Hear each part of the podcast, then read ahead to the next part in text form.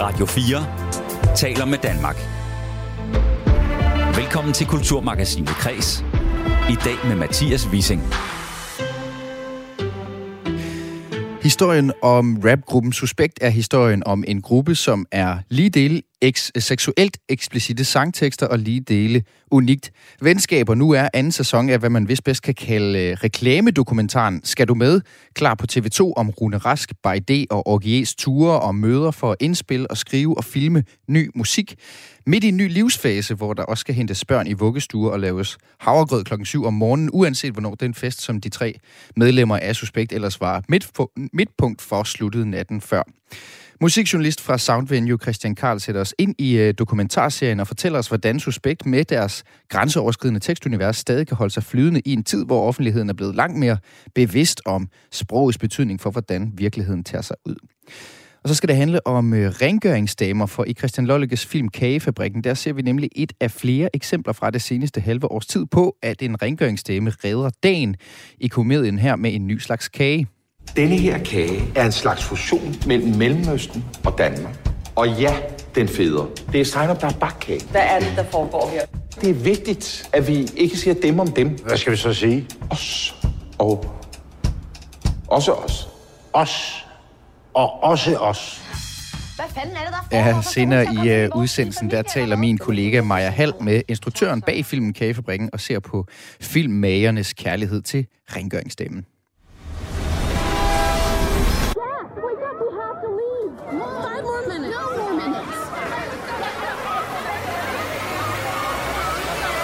Okay, roll film.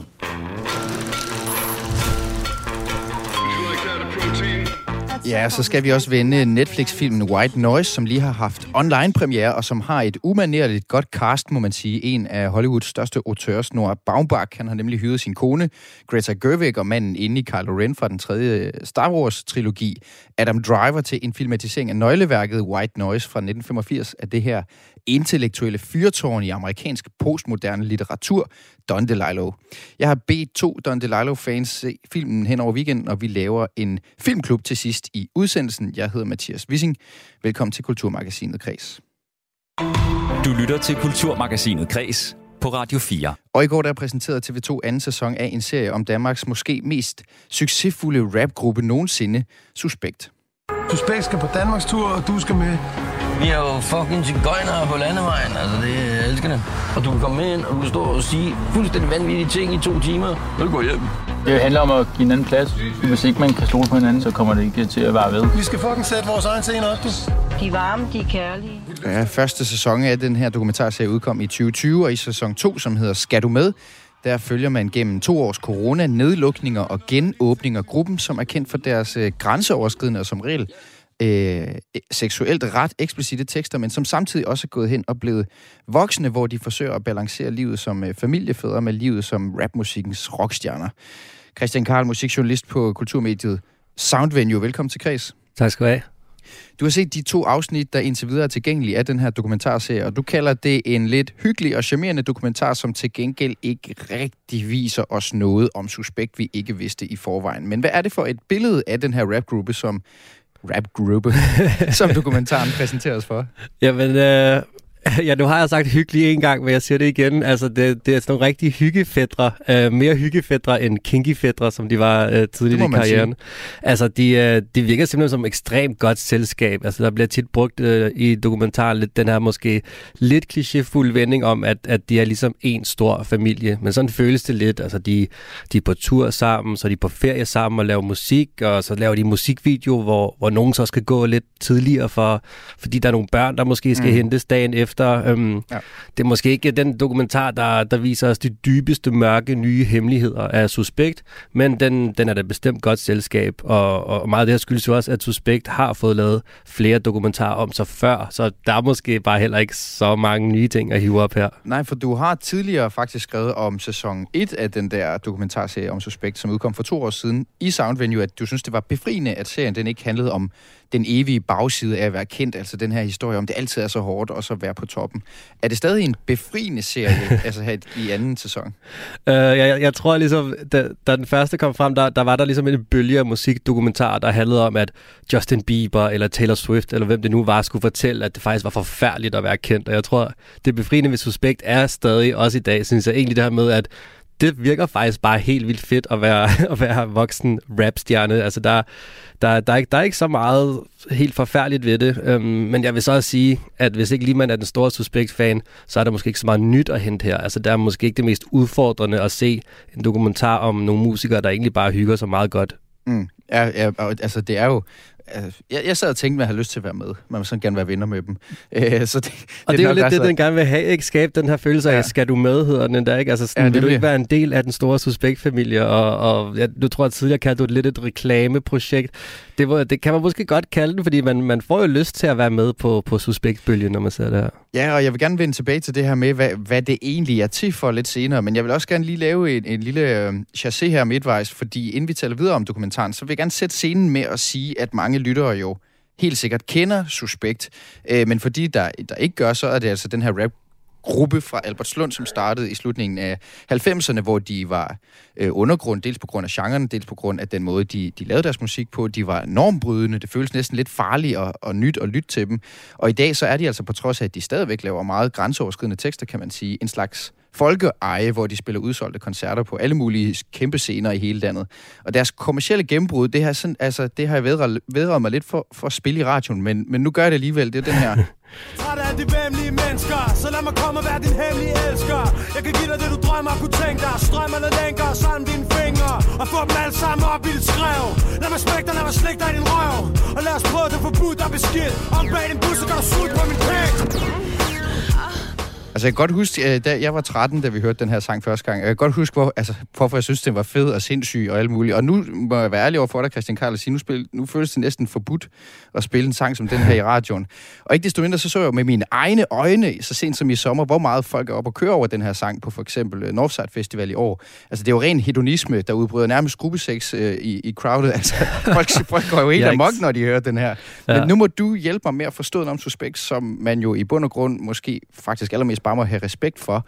Hvor længe kan det være cool at stå på en scene og rappe den her slags tekster, når at man dels alle sammen efterhånden op i 40'erne, som de er i det her band, og dels at vores, øh, hvad, det man kan kalde vores offentlige samtale om køn og seksuelle relationer jo har flyttet sig kilometervis siden det der sted, vi var i 2003, da Kinky Fetter kom. Uh, ja, det var det helt store spørgsmål, du lige rullede ud der. Um, jeg, jeg tror måske, man kan starte med at sige, at der er noget sådan herligt skæbningsironi over, at den rapgruppe, der var den allermest forbudt og beskidte, som de selv der vil siger, mm. i, i starten af deres karriere, og som virkelig var, var et, et navn, man, man fandt, og så lyttede man måske til det, når man var sikker på, at ens forældre ikke var hjemme, fordi de skulle altså ikke overhøre de her suspekt tekster, at netop den gruppe er blevet sådan, det, det er et navn for den generation, der er hængt fast, der er blevet størst, og som er blevet allermest folkeejet. Det er også en, en virkelig spøjs udvikling. Jeg tror, i forhold til hele øh, Suspects forhold til, øh, til, hvordan de rapper om sex, så kan man nærmest lidt sammenligne deres udvikling med, med en amerikansk rapper som Snoop Dogg. Altså Snoop Dogg startede også med at instruere pornofilm, være anklaget for mor og være bandemedlem, men blev så hele USA's hyggeonkel. Det er lidt det samme, mm. lidt en parallel med Suspekt, der startede med at være så forbudt og beskidte, så udskilte, så det mest tabu, som, som de overhovedet kunne være. Deres pladselskab hedder jo også Tabu Records, ikke? Ja, det, det ja. mest forbudte, det kan være. Ja. At netop de er blevet vores allesammens ja, hyggeonkler nærmest, ikke? Mm. Og det kan du også lidt høre i den måde, de, de rapper om sex på den dag i dag. Mm. Altså, det er ikke længere så forbudt og beskidt. Det lyder mere som om, de egentlig bare har det virkelig sjovt med det, og prøver at være lidt, du ved, have lidt glimt i øjet, se hvor langt kan man tage den her Altså et andet godt eksempel af, af sangen Vil du med ud og se min pik ja, med, ja. med, med Tessa. Jeg har, jeg har lidt fra, altså nu, øh, lige præcis den sang har jeg to forskellige klip fra. Netop mm. By mhm. D fra Suspekt, altså ham som hedder Andreas Duelund. Øh, det får du først, og så får du Tessas bagefter. Jeg, jeg, jeg hørte det, jeg, jeg ved ikke hvorfor, jeg har ikke registreret den sang før. Så hørte jeg det i forberedelsen til vores snak her. Og jeg må sige, Tessas, altså det, det er simpelthen så øh, uhyre morsomt. Nu får du lige først bare. Den, yes. han, han synger sådan her i sang. Kælling kun iført hendes sokker. Min kælling kun iført sine sokker. Elevatoren helt op til toppen. Luftborgen eskepadder tatoveret på kroppen. Jeg er livsnyder. Se hvordan min pik skyder. altså, du skal ikke komme og sige til mig, at det ikke også er lidt humoristisk på en eller anden måde. Det er bare det, han synger. Og, altså. Præcis, og det er jo netop det, ikke? Altså, i starten af karrieren, der, der var det ligesom der var det virkelig dystert og forbudt, og, og de ja. var virkelig farlige, og nu, altså, de har det fandme også bare sjovt med at ja. være dem, der, der ja. siger de forbudte ting. Jamen, jeg synes, det lyder lidt som, øh, altså indtil det der med at, at se min pik, der skyder, eller hvad han synger, så er det jo sådan lidt Nick og Jay, øh, bare sagt som by day på en måde. Altså, det er jo sådan lidt poetisk, øh, hverdagslivsagtig snak, og så bare lige med sådan en, en suspekt øh, krølle på. Og der vil jeg sige, Christian Karl, der synes jeg, Tessa, hun, hun er lidt et andet sted. Du får lige hendes passage for sangen også. Jern siger, hvis jeg gerne have en fast kæreste Min mis siger, bitch, please, vi er med på den værst Ups, min bikini lavede lige en Houdini Som mig og to lækre italiener lavede en panini Camilla fik pik i en hellerup Villa af en big dick gorilla, som vi kaldte Coxilla altså, altså, det... det ja, jeg synes, jeg, jeg, jeg synes virkelig, det er øh, voldsomt Og også sjovt, det her Men hvad kan det her sprog, altså det her grænseoverskridende element, hvad, hvad giver det til en, en sang og til rappen, Christian Karl? Kan du sige noget om det? Jamen for det første, så, så giver du bare et rum, hvor man kan få lov til at være lige så liderlig, som man har lyst til at være, og mm. uden at skamme sig over det, uden at være sådan, uh nej, det, det kan vi ikke her, det, det, er for, det er der for meget. Det er suspekt nu altid kunne.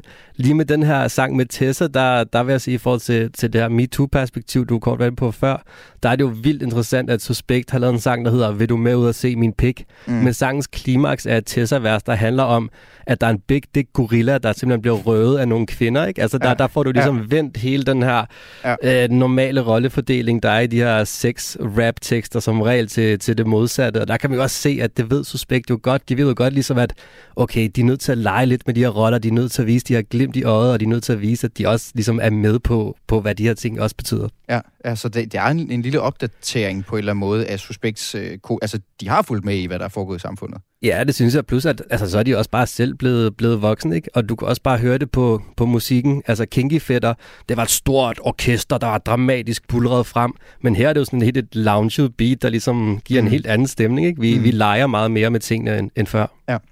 Og apropos det her med at være blevet voksne, så øh, taler Emil Simonsen, altså Orgie, i den her dokumentar om den type arbejde, han har, og det her med at arbejde, fordi de godt kan lide at arbejde, altså være sammen.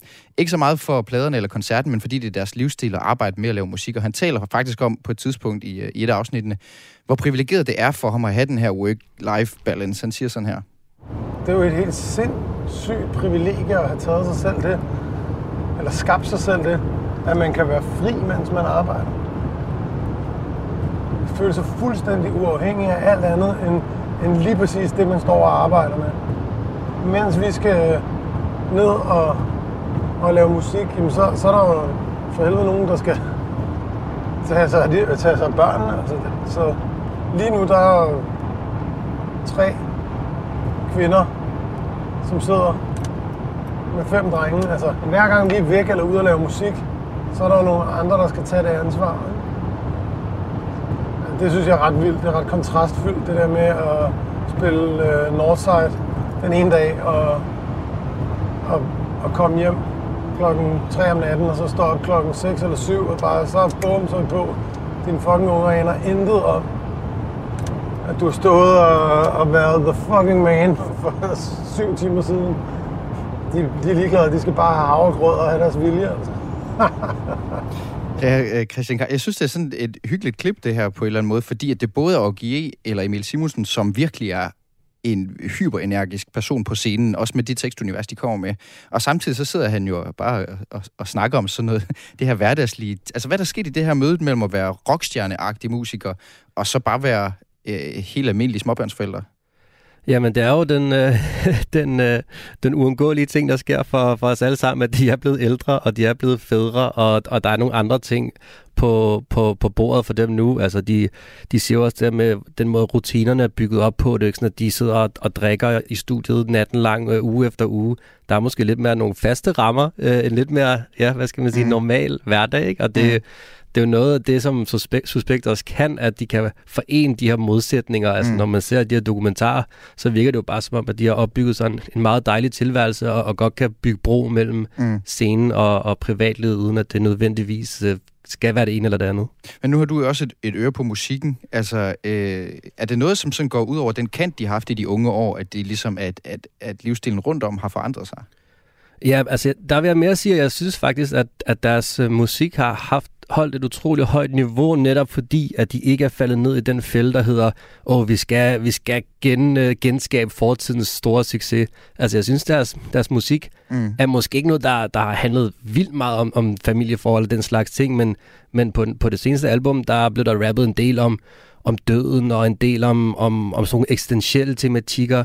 Og alt andet ville også være mærkeligt. Altså tænk, hvis de bare blev ved med at lave Kinky Fetter part 2, 3, 4 og slutte ja. den op for Slap part 17. Ja. Altså, jeg synes, det, at de har gjort det på en fin måde, og når de så endelig rapper om sex, så gør de det også på nye måder, ligesom som den her Tessa-samarbejdssang, som, som vi hørte før. Ja.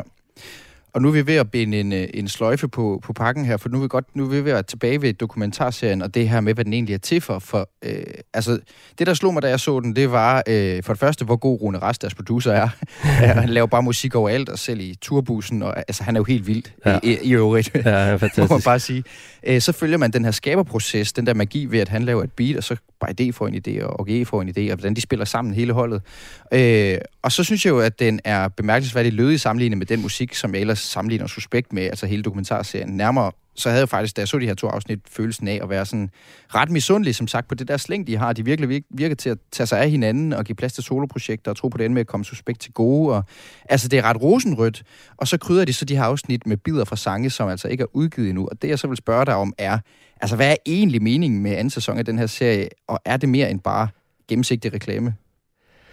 Altså, jeg, nogle vil sige reklame, andre vil måske sige fanservice. Uh, det er i hvert fald noget, som, som er lavet for, for ligesom at invitere ligesom deres fans tættere på. Altså, jeg føler, det er lavet også meget til, til til folk, der i forvejen kender Suspekt, eller måske endda kan lide Suspekt.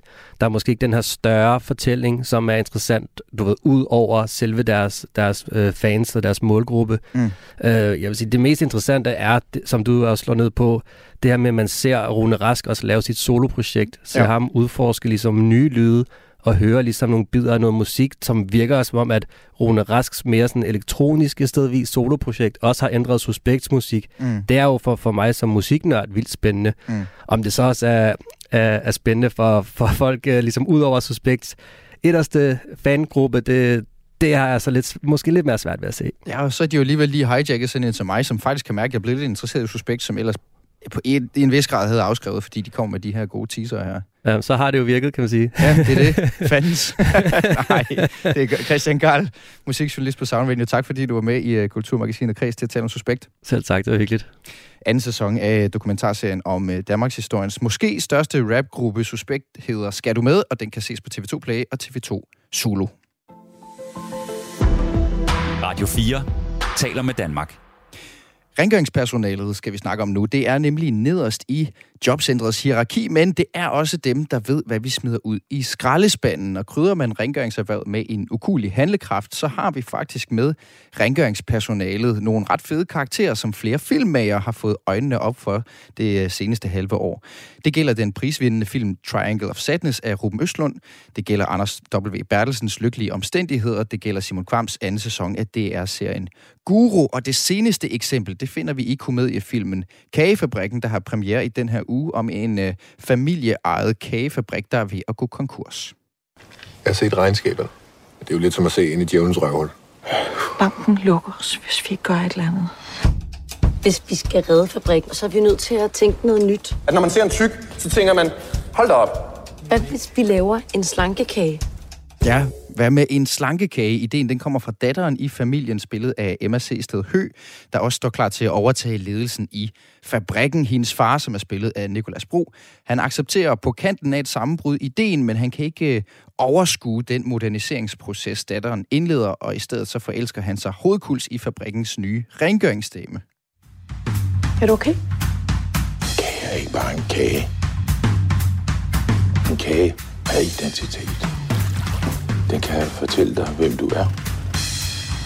Og hvem er du? Det er en god bager. Det er det eneste, jeg kan. Denne her kage er en slags fusion mellem Mellemøsten og Danmark. Og ja, den feder. Det er Sejner, der er bakkage. Hvad er det, der foregår her? Det er vigtigt, at vi ikke siger dem om dem. Hvad skal vi så sige? Os og også os. Os og også os. Hvad fanden er det, der foregår? Så skal hun til at komme ind i vores lille familie, eller hvad? Den er 100% halal. Tak, Sejner. Ja. Ja, bag filmen der står den øh, evigt indignerede, ofte provokerende og meget anerkendte dramatiker og teaterinstruktør Christian Lollicke, som debuterer som filminstruktør med øh, komedien, der er baseret på hans eget manuskript. Og Christian Lollicke, han bruger, hvad han selv kalder et temmelig grotesk filmsprog, hvor sundhedsfanatismen og fremmedangsten bliver udstillet på en gang med det formål at give danskerne mulighed for at ventilere deres indeklemte angst via lattermusklerne, som han siger.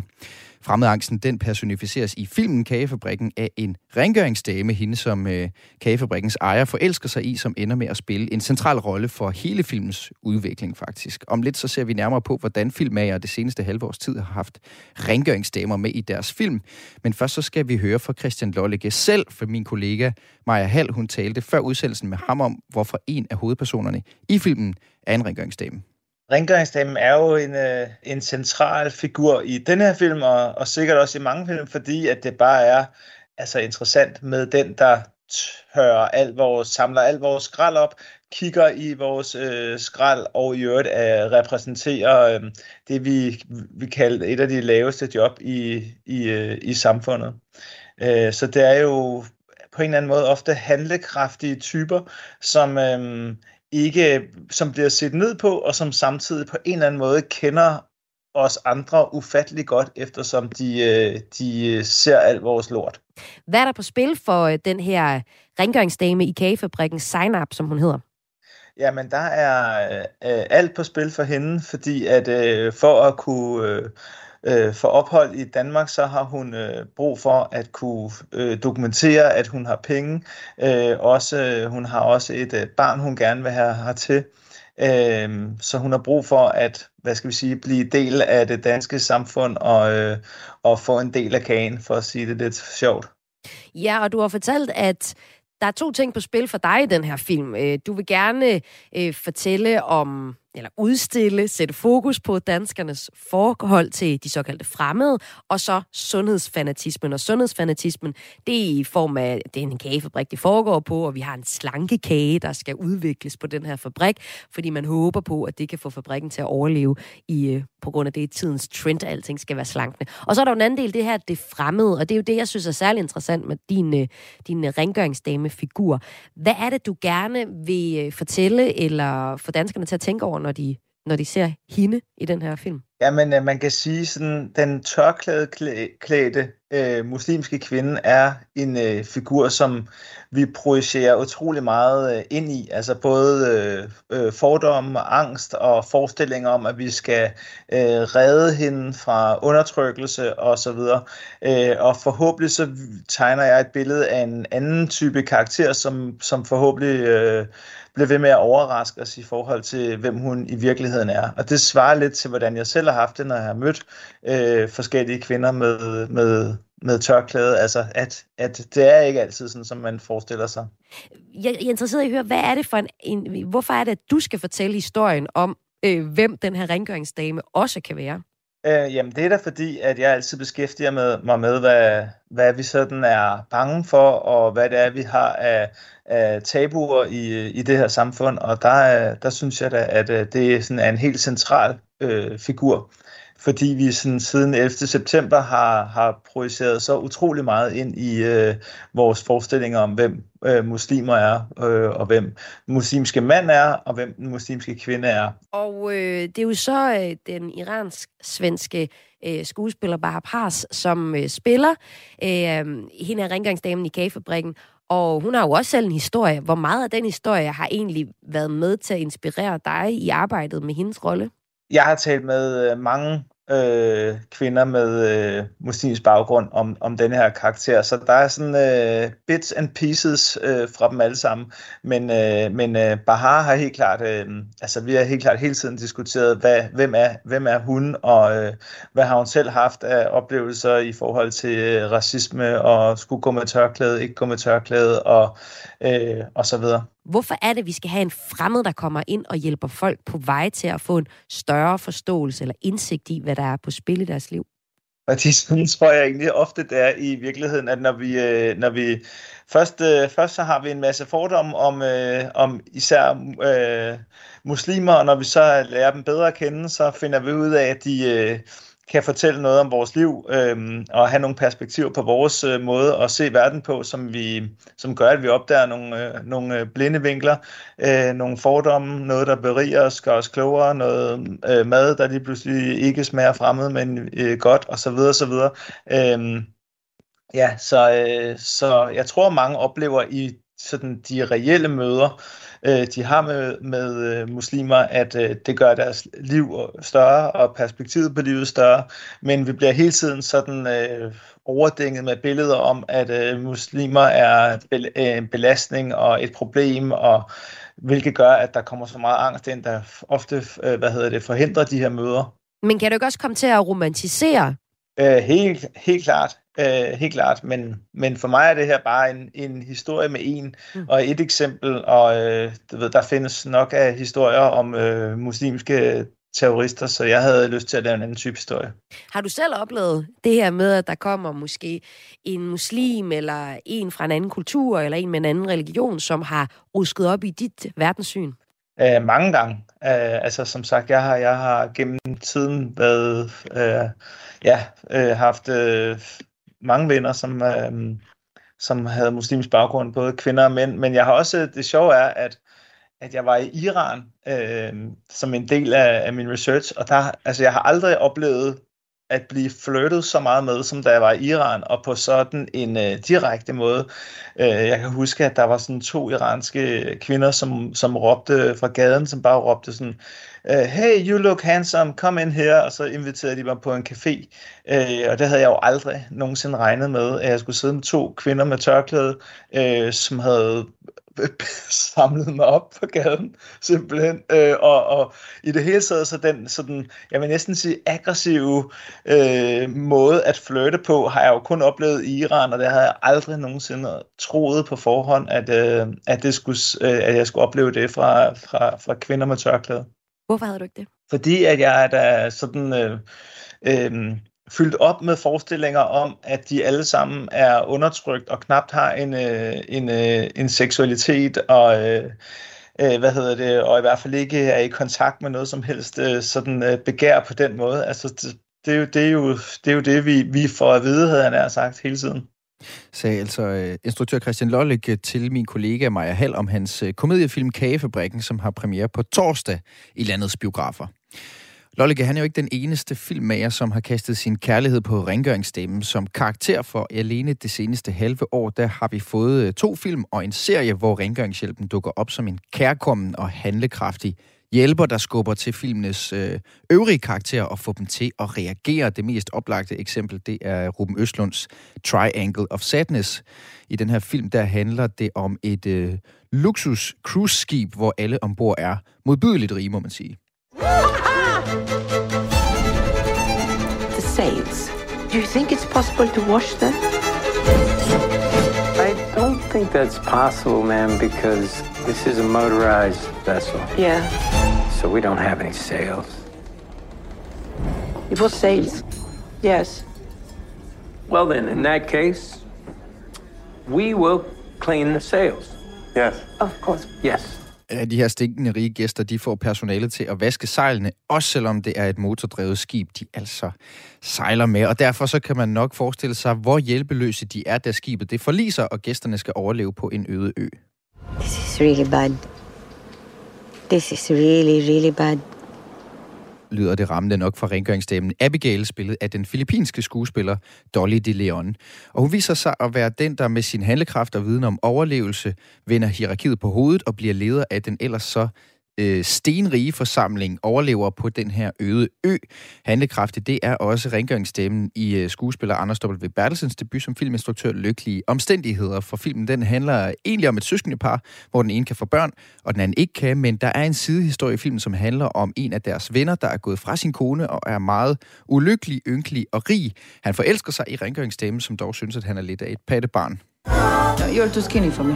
I like big men, muscles, tattoos. Okay, this is my number. You call me, ask me out, and we see what happens, okay? Okay. Ja, udover at hun alligevel synes lidt om det rige pattebarn, så ender hun altså også øh, via sin øh, handlekraftighed med at agere jordmor til en dramatisk fødsel midt på landevejen. Og igen så er det altså rengøringsdamen, som redder dagen. Og ikke nok med det, også i Simon Kvams serie Guru, hvor hovedpersonen får hjælp af den driftige rengøringskone til at tage livet af sin far. Rengøringskvinderne i de fire eksempler her er ikke alene handlekraftige, de udstiller også ofte filmens øvrige hovedpersoners hyggeleri og handlingslammelse. Og det er altid interessant at beskæftige sig med dem, vi ellers ofte ser ned på, siger øh, instruktør på filmen Kagefabrikken, Christian Lølleke, til min øh, kollega Maja Hall. Og dem, som så i virkeligheden viser sig at være, være øh, handlekraftige og ture øh, stik hånden ned i den lort, vi andre vi øh, render og holder os for næsen fra, øh, for, for at slippe for at øh, beskæftige os med. Øh, og det er jo øh, ofte, når man når man graver i snavset, at man ser, hvem vi i virkeligheden er. Og det vil sige, at vi bliver konfronteret med alt det, vi ikke selv øh, tør, og alt det, vi ikke selv tør at tage fat på. Øhm, hvad hedder det? Og samtidig viser vi, at det er åbenbart noget, som, øh, som samfundet skal have nogle andre til. Og det var sidste år, der kom den her uh, Triangle of Sadness, Sadness en uh, film lavet af den svenske instruktør øh, Ruben Østlund. Da du så den film, hvad tænkte du? Altså tænkte du så, øv, han, han, han har også opdaget, at rengøringsdamen er en fed figur, fordi der, de gør jo noget af det samme, både hende i uh, Østlunds film, Abigail, og jo også uh, din rengøringsdame i, i Kabebringen. Ej, jeg synes Triangle of Sadness er en, en fantastisk film, som, øhm, som hvad skal vi sige, øh, våger at, øh, at øh, udstille øh, hvad hedder det, forfængelige mennesker, og derfor er det også øh, øh, klart, at, at Østlund må have en øh, handekraftig øh, kontrastfigur øh, og gøre hende til, øh, til en held, ikke? til hende, der faktisk kan, kan redde andre. Øh, så på den måde er der en parallel til, øh, til kagefabrikken, men, øh, men jeg er virkelig en stor øh, beundrer af Triangle of Sadness. Christian Lollige. Nu har vi jo så kagefabrikken, der udkommer i morgen. Og der er øh, rengøringsdamen i en af hovedrollerne. Kommer du til at arbejde videre med sådan en figur som rengøringsdamen med dine projekter fremadrettet? Øh, jeg kommer i hvert fald til at øh, arbejde videre med figurer, som, øh, som vi som samfund placerer nederst i øh, hierarkiet, for jeg synes, at det er ofte dem, som er i stand til at fortælle os øh, noget om os selv, som vi, som vi øh, ikke vidste, at vi burde vide, havde jeg sagt. Så den næste kommer til at handle om brugvognsforhandlere og journalister? Helt klart. Det glæder mig til. Christian Lollega, tusind tak, fordi jeg måtte øh, låne dig. Tak, fordi jeg måtte være med. Fortalte her instruktør på filmen Kagefabrikken, som har premiere altså i landets biografer torsdag i Kagefabrikken, der indtager Nikolas Bro hovedrollen omgivet af blandt andre Tina Gylling Mortensen, Emma C. Sted Hø, Bahar Pars, Andreas Jebro og Saki Josef. Du lytter til Kulturmagasinet Kres på Radio 4.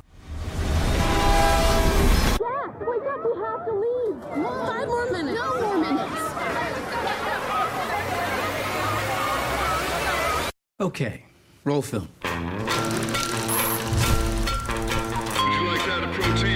That stuff causes cancer in laboratory animals, in case you didn't know. Either I gum Ja, vi hører traileren her til den film, som hedder White Noise. Den er lavet af Noah Baumbach, og han er en amerikansk instruktør, som øh, altid enten går fuldstændig hen over hovedet på mig, eller direkte i hjertet, og derfor så var jeg ængstligt ægget, da jeg så, at White Noise, som altså er en ny film fra hans hånd, havde øh, Netflix-premiere den 30. december, øh, og som lige nu trender på streamingtjenesten derinde, hvor den ligger i danskernes top 10. White Noise, det er en filmatisering af den amerikanske forfatter Don DeLillos roman af samme navn fra øh, 1985, og filmen den ligner faktisk noget, som er lavet midt i 80'erne, hvilket jeg ikke helt kan finde ud af, hvorvidt jeg synes er, er galt eller genialt, og sådan har jeg det faktisk i det hele taget med den her film. Hvorfor jeg er så heldig at kunne lave filmklub ved at have booket to gæster, som også har set filmen. Velkommen til Mads Rosendal Thomsen, professor i litteraturhistorie på Aarhus Universitet og Arve Don Lillo læser. Tak.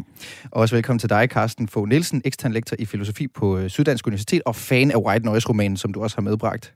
Tak. Øh, I skal starte med at hjælpe mig simpelthen, øh, Carsten. Hvordan har vi det med den her film? Som, ja, som det er ofte med filmatisering af bøger. Jeg synes, bogen er bedre. Det, det er en film, der har, der, den er virkelig flot og velproduceret, og den har nogle virkelig øh, gode scener, men jeg er ikke sikker på, at den hænger sammen som film. Det, den er lidt for løsrevet, lidt for episodisk for min smag, tror jeg. Ja. Hvad med dig, Mads? Hvordan havde du det med den? Jamen, lidt på samme måde. Altså, det er et virkelig godt cast. Øh, de, de spiller virkelig godt, og den er, der er kælet for detaljerne i, i alting. Og jeg synes, den fanger filmens, eller bogens tone rigtig fint på mange måder. Men øh, lidt som Carsten har det også sådan, at den, den vil måske for meget. Altså, jeg havde i hvert fald følelsen af at være sådan lidt øh, splittet ad op i mit hoved, fordi først så troede jeg, at jeg skulle se en familiefilm. Det følger ham her, øh, ham her øh, øh forelæseren, Hitler-eksperten, den førende Hitler-ekspert, er han Jack Gladney i USA, øh, som går på arbejde, og så er han hjemme med sit, øh, sit familieliv. Det ligner nemlig fuldstændig sådan alt, hvad der er lavet i, i USA af familiefilm fra 1980'erne. Øh, en kaotisk øh, hus derhjemme, eller hjem derhjemme, hvor de alle sammen råber i munden på hinanden, og han går så på arbejde, og så lige pludselig skifter den karakter. Og så kommer der, så er der et, øh, en lastbil og et tog, som kolliderer, som bliver til en øh, giftig, øh, en, en giftsky på en eller anden måde. Og så er vi over en katastrofefilm lige pludselig, hvor de skal flygte om natten, og de bliver evakueret og sådan nogle ting. Så er det som om, at så sker der noget undervejs også, hvor de næsten nulstiller det hele, og de glemmer næsten overhovedet, at, at, han, at han har været inde i den her giftsky, og lige pludselig så handler det om, om noget helt andet, altså om at være bange for at dø nu skal jeg have nogen til at redde trådene ud for mig. Nu har jeg forsøgt bare at samle det en lille smule for lytteren, hvis man ikke har set det. Men hvad er det egentlig, den her film, den handler om, Mads Rosendal? Hvad, hvad, hvad, hvad, hvad er der i kernen af filmen? Jo, det er jo netop en, som... Altså, romanen er både den, den sjoveste og den mest dystre roman, som uh, det, der har skrevet. Ja. Fordi kernen i det, du siger, at der sker ligesom pludselig noget andet. Jeg vil sige, vendepunktet i filmen er også, hvor at uh, Jack og Babette, uh, ægteparet, der er i centrum for det hele, at de ligger sammen i sengen og også begynder at bekendtgøre for hinanden, hvor angst de er for at dø. Mm. Uh, og det kan man sige, det er jo ligesom det helt store spørgsmål, uh, og som jo noget, man også tit skjuler også for hinanden, det man er tæt på, uh, den sådan fundamentale bekymring, som vi har, hvorfor skal det hele slutte på et tidspunkt? Mm. Og den synes jeg, de får fremstillet meget, meget godt. Ja. Og det er jo så derfra, at de andre tråde bliver udredt, ikke? Fordi ja. det handler om alle de måder, hvorpå at vi har til at undgå at tænke på det her. Ja. Ja. Og det, det kommer til udtryk til gennem en pille, som, nu spoiler jeg lidt, ja. men uh, en pille, som... Uh, ja, man ser i starten, at, at Babette, hun tager nogle piller, ja, som de ikke helt ved, hvad er. Jeg ved ikke helt, hvad det er, men det har noget at gøre med dødsangst. Ja. Men ja. derudover, så kan man sige, det at bare være en familie, der er kaotisk, eller et supermarked, der er fyldt med farver, mm. er også strategier til det. Og så selvfølgelig hans Hitler-fascination, som noget, der så at sige, er stærkere end døden. Mm, ja. Jeg har faktisk det her klip med fra, hvor, øh, som du siger, Jack og Babette, som er ægtepar i filmen, de ligger i, helt i starten af filmen faktisk, og i, i sengen om aftenen og snakker, og øh, skændes næsten om, hvem de håber får lov at dø mm. først. Øh, det, det lyder sådan her. Jeg har klippet lidt ned. You sound almost eager. Life would feel unbearably sad and lonely without you. Especially if the children were grown up and living elsewhere. I want to go first. No, Jack.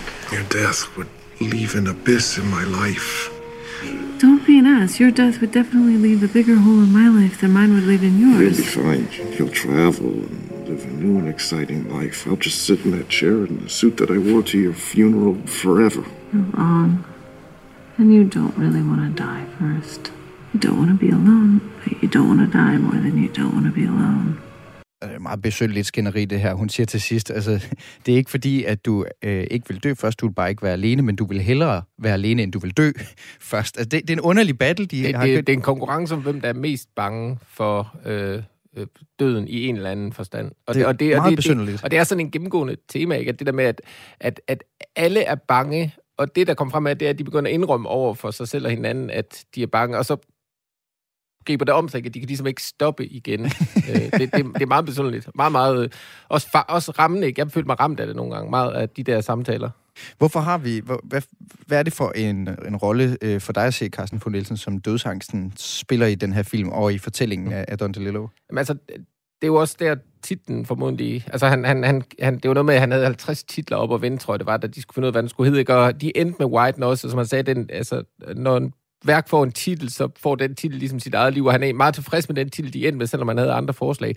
Og White Noise, det er jo den der baggrundslyd, der i gamle dage var, når man tændte for fjernsyn, der ikke var noget på, ikke? Så er der den der lyd, Ja, ja. som Den, var som der, vi spiller for babyer i Ja. dag, for at få dem til at falde til som, som ligesom er i baggrunden af, af, alting. Og, og white noise her, det, er- det er ligesom symbolet på, eller navnet for alle de lyde, der i det moderne, eller alle de distraktioner, der i det moderne liv øh, gør, at vi bliver i stand til at glemme den her dødsangst, eller undertrykke den her dødsangst. Ikke? Det, er, det, er, det er lydene nede i supermarkedet, det er bilerne, det er familielivet, det er noget, der er meget tydeligt i bogen, ikke? det er reklamerne, det er alle de her øh, øh, måder, hvorpå medierne lige pludselig kommer ind og blander sig i øh, den måde, vi taler med hinanden på. Øh, det, det er meget, meget tydeligere i, i bogen, end det er i, i filmen. Ikke?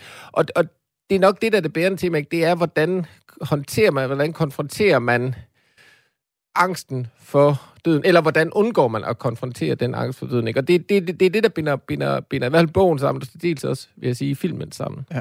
Og, og, og, og så det, det interessante er jo, da de har lavet den her film, at den er lavet som om den vil se ud i 1985, hvor, hvor bogen er fra.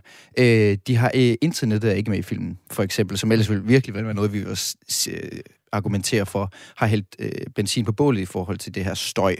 Øh, og det samme med, med dødsangsten, den kan være aktiveret af alle mulige andre ting i dag, mm. men det har de ikke opdateret. Altså, hvad, hvad er tanken med at holde det i det der 1985-univers? Jeg troede næsten, jeg satte den forkerte film på, da jeg trykkede play med Rosendal Thomsen.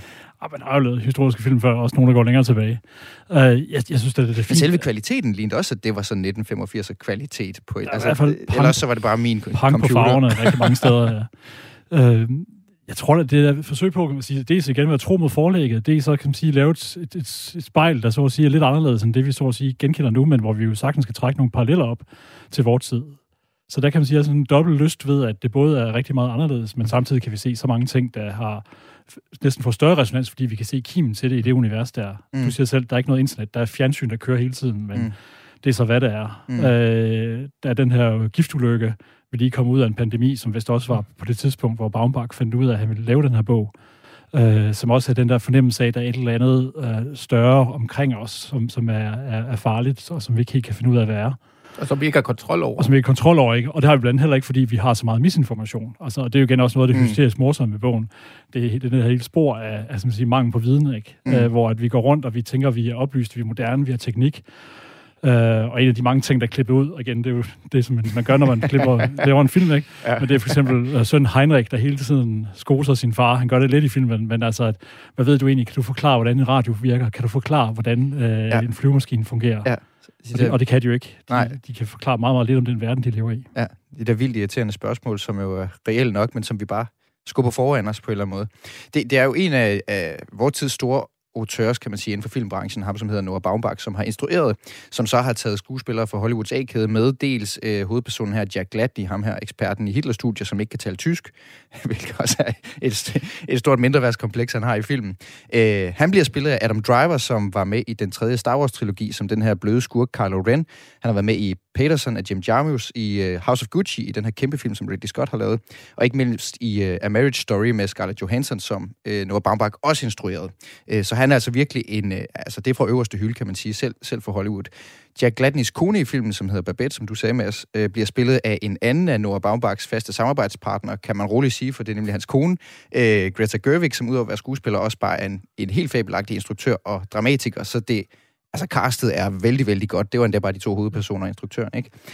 Øhm, der sker det i filmen, at de hele tiden vender tilbage til et supermarked, øh, som faktisk er et sted, som bliver øh, fremstillet med ret stor kærlighed, synes jeg. Jeg er lidt i tvivl om, hvad jeg skulle synes om, da jeg så det her med, at de var i supermarkedet hele tiden.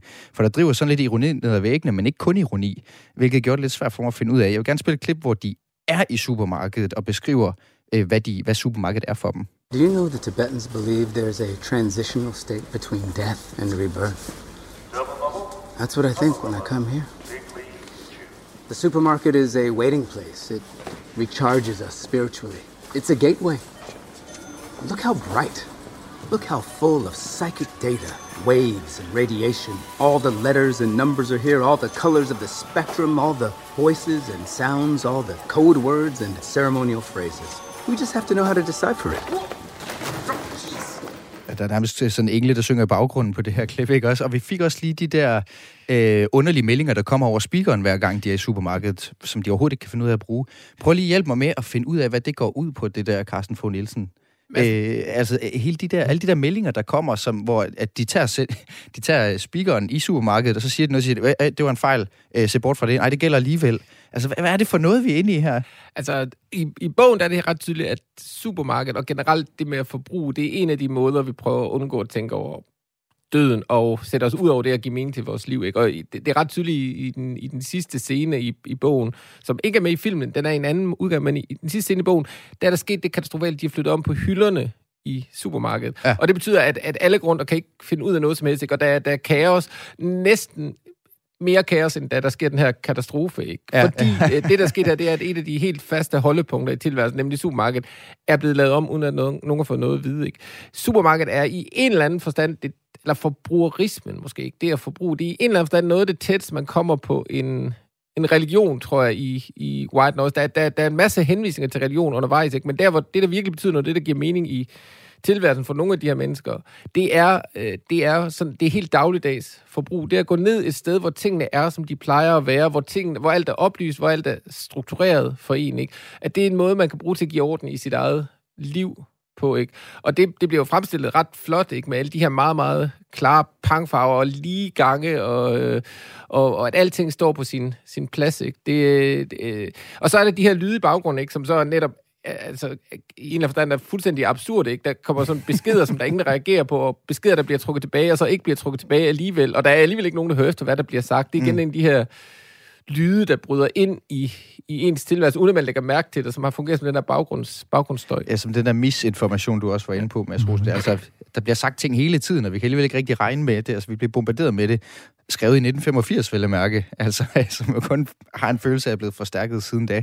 Øhm, altså, hvor er vi henne? Øh, kan vi ikke sætte en eller anden ideologi på, eller sådan noget, Carsten von Nielsen, på? Hvad er det, det går ud på det her, hvor, hvor at, at, at supermarkedet er kirken? Altså, hvad, hvad, hvad er det, der ligger i, i det tankegods? Altså, der er vi nok hen i det der med et spørgsmål om, hvad er det, hvordan er det, vi skal forstå, og det, det handler ja, både bogen og filmen, det er, hvordan giver vi mening til vores liv og til os selv i det moderne, eller måske efter det moderne. Ikke? Der er det her med, familien var tidligere det, der gav mening til vores liv, ikke? men det vi har her, det er en sammenbragt familie. I, det er endnu værd i bogen, der er, de, der er han på ægteskab nummer 5, tror jeg, der er efter været gift med den samme kone to gange, og børn, der kommer fra de der forskellige ægteskaber og sådan noget. Ja. Hvis det ikke kan bruges, og hvis øh, han kan heller ikke, han prøver også at bruge sit akademiske liv til at give mening, men han ved godt, at han egentlig er en fake også inden for det. Ikke? Han, ja. han, han synes, at han kan ikke tale tysk eller læse tysk, men mm. han er ikke Hitler-ekspert. Ikke? Mm. Hvor finder vi så meningen henne? Ikke? Mm. Øh, og det er igen det, som... Øh, der hvor supermarkedet eller forbrugerismen kommer ind, som en, endnu en måde at prøve, prøve at give mening og struktur på ens liv.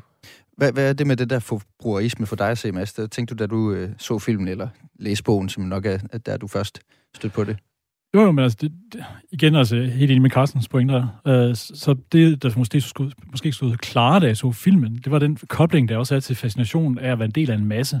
Ja. Uh, der er en scene, hvor han virkelig taler det op, det der med begæret efter, ja, en forelæsning, ja. han taler om, også med nazismen og så videre, det der begær efter at være en del af massen, at det gør, at du så at sige slipper for at være individ, og du dermed også bliver en del af noget, der så er udødeligt, men jo selvfølgelig ikke i, i den betydning, som man, man uh, kunne håbe på. Mm. Uh, og der kan man sige, der, der, det at være en del af et supermarked, den måde, de begår der, ikke? og den måde, som hans fantastiske sidekick, spillet af Don Chattel, uh, mm. Murray J. Siskind, ja. som jo så har den der overdrevne begejstring for, det er jo så smukt, det her tæller ja. det op, alt det, ja. som vi jo altid går og taler ned over for hinanden, ikke? Åh, oh, jeg havde gået i supermarkedet, det er ja. nødvendigt, men jeg skal derned. Det var ham, klippet også. Lige præcis, ja. ikke?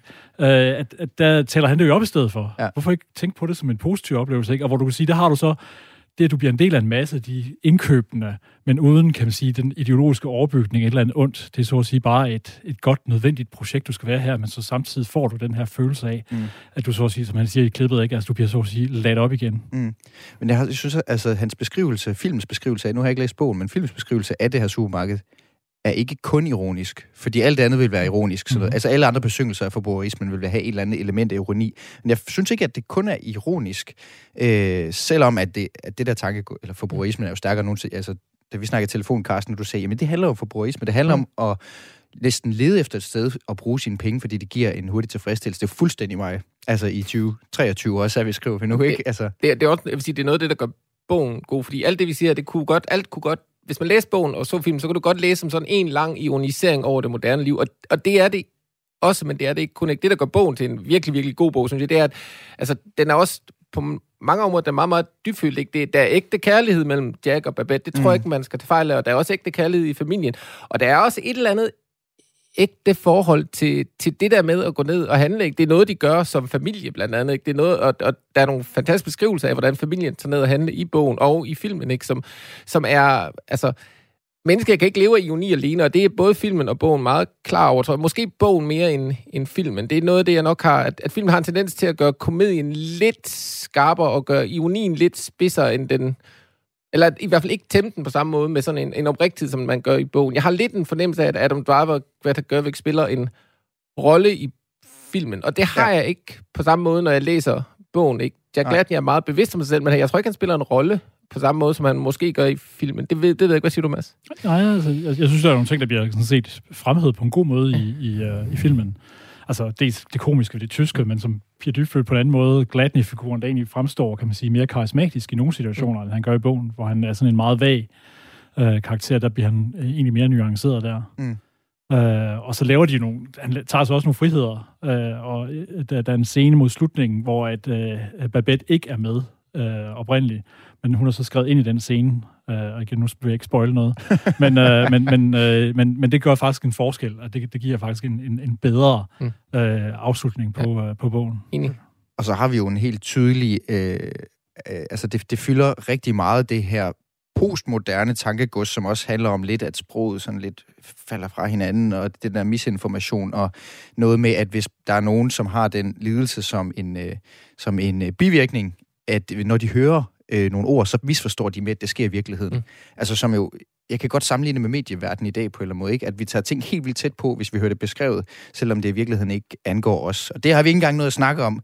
Men, øh, men øh, kan, kan vi anbefale, øh, nu står jeg med to, øh, to boglæsere, det står ikke mål med bogen, det har jeg forstået. Kan vi anbefale filmen alligevel? Det, det synes jeg helt klart. Altså, den er utrolig flot, og der er nogle fantastiske scener i den. Altså, jeg har sagt, jeg synes, den er lidt for episodisk. Vi er måske lidt for meget. Ikke? Bogen er meget, meget kompakt. Der er virkelig meget i bogen, og det kan man ikke få med i filmen. I en film alle sammen. Der skulle måske være foretaget nogle endnu skarpere valg, end der er truffet. Ja. Mads? Jamen klart nok, og, og med den forbrugervejledning, at man skal være klar over, at der kommer de her skift. Men hvis man så at sige er opmærksom på dem, og kan se, at det er også en del af det, og at satiren øh, ligger meget langt frem nogle gange, at så, øh, så, er det, så er man inden for en rigtig god oplevelse. Tusind tak, fordi I var med begge to. Øh, Don DeLillo-fans, Mads Rosendal Thomsen, som er professor i litteraturhistorie på Aarhus Universitet, og Carsten Fogh Nielsen, ekstern lektor i øh, filosofi på Syddansk Universitet. Hvid støj, som er instrueret af Noah Baumbach, den står altså på skuldrene af Don DeLillos roman, og den kan findes på Netflix allerede nu. Du lytter til Kulturmagasinet Græs på Radio 4. Vi kan lige nå omkring en mindre skandale i musikverdenen, som øh, politikken skriver om, fordi på det meget anerkendte musikblad Rolling Stone Magazine, der har man nemlig netop skrevet en top 200 over de bedste sangere i populærmusik gennem tiderne. Og alt forløber til sydenladende i ro og orden. Hende her, hun indtager, som hun også gjorde i 2010, førstepladsen. What you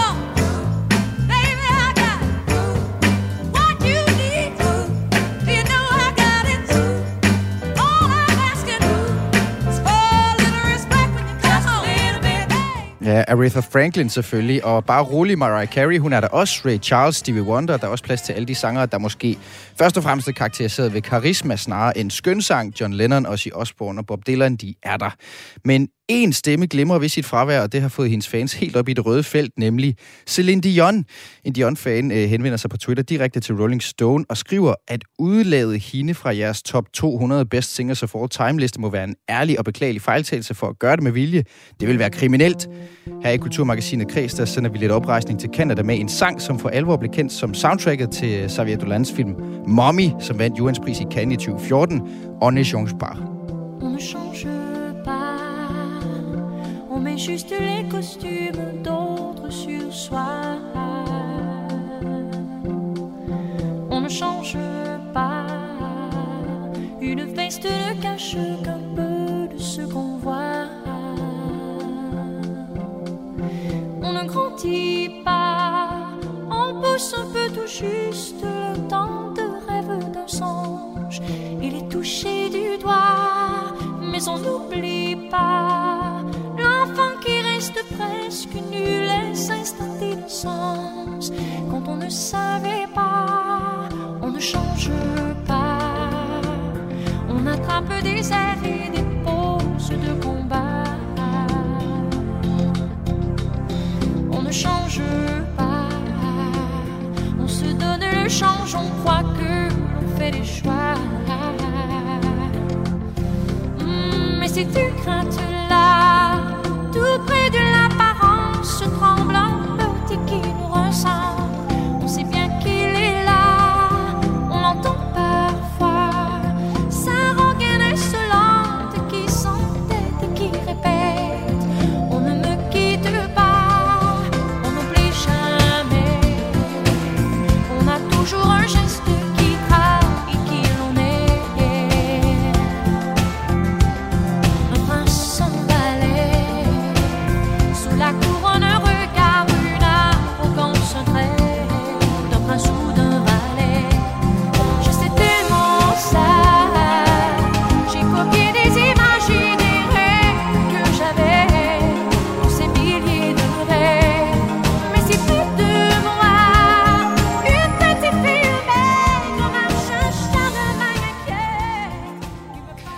Kulturmagasinet Kreds på Radio 4. Det er slut for i dag.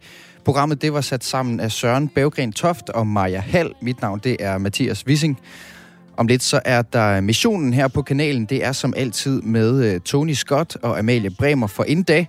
så skal vi have et øh, nyhedsoverblik, fordi klokken den nærmer sig 15.00. Tak fordi du lyttede med.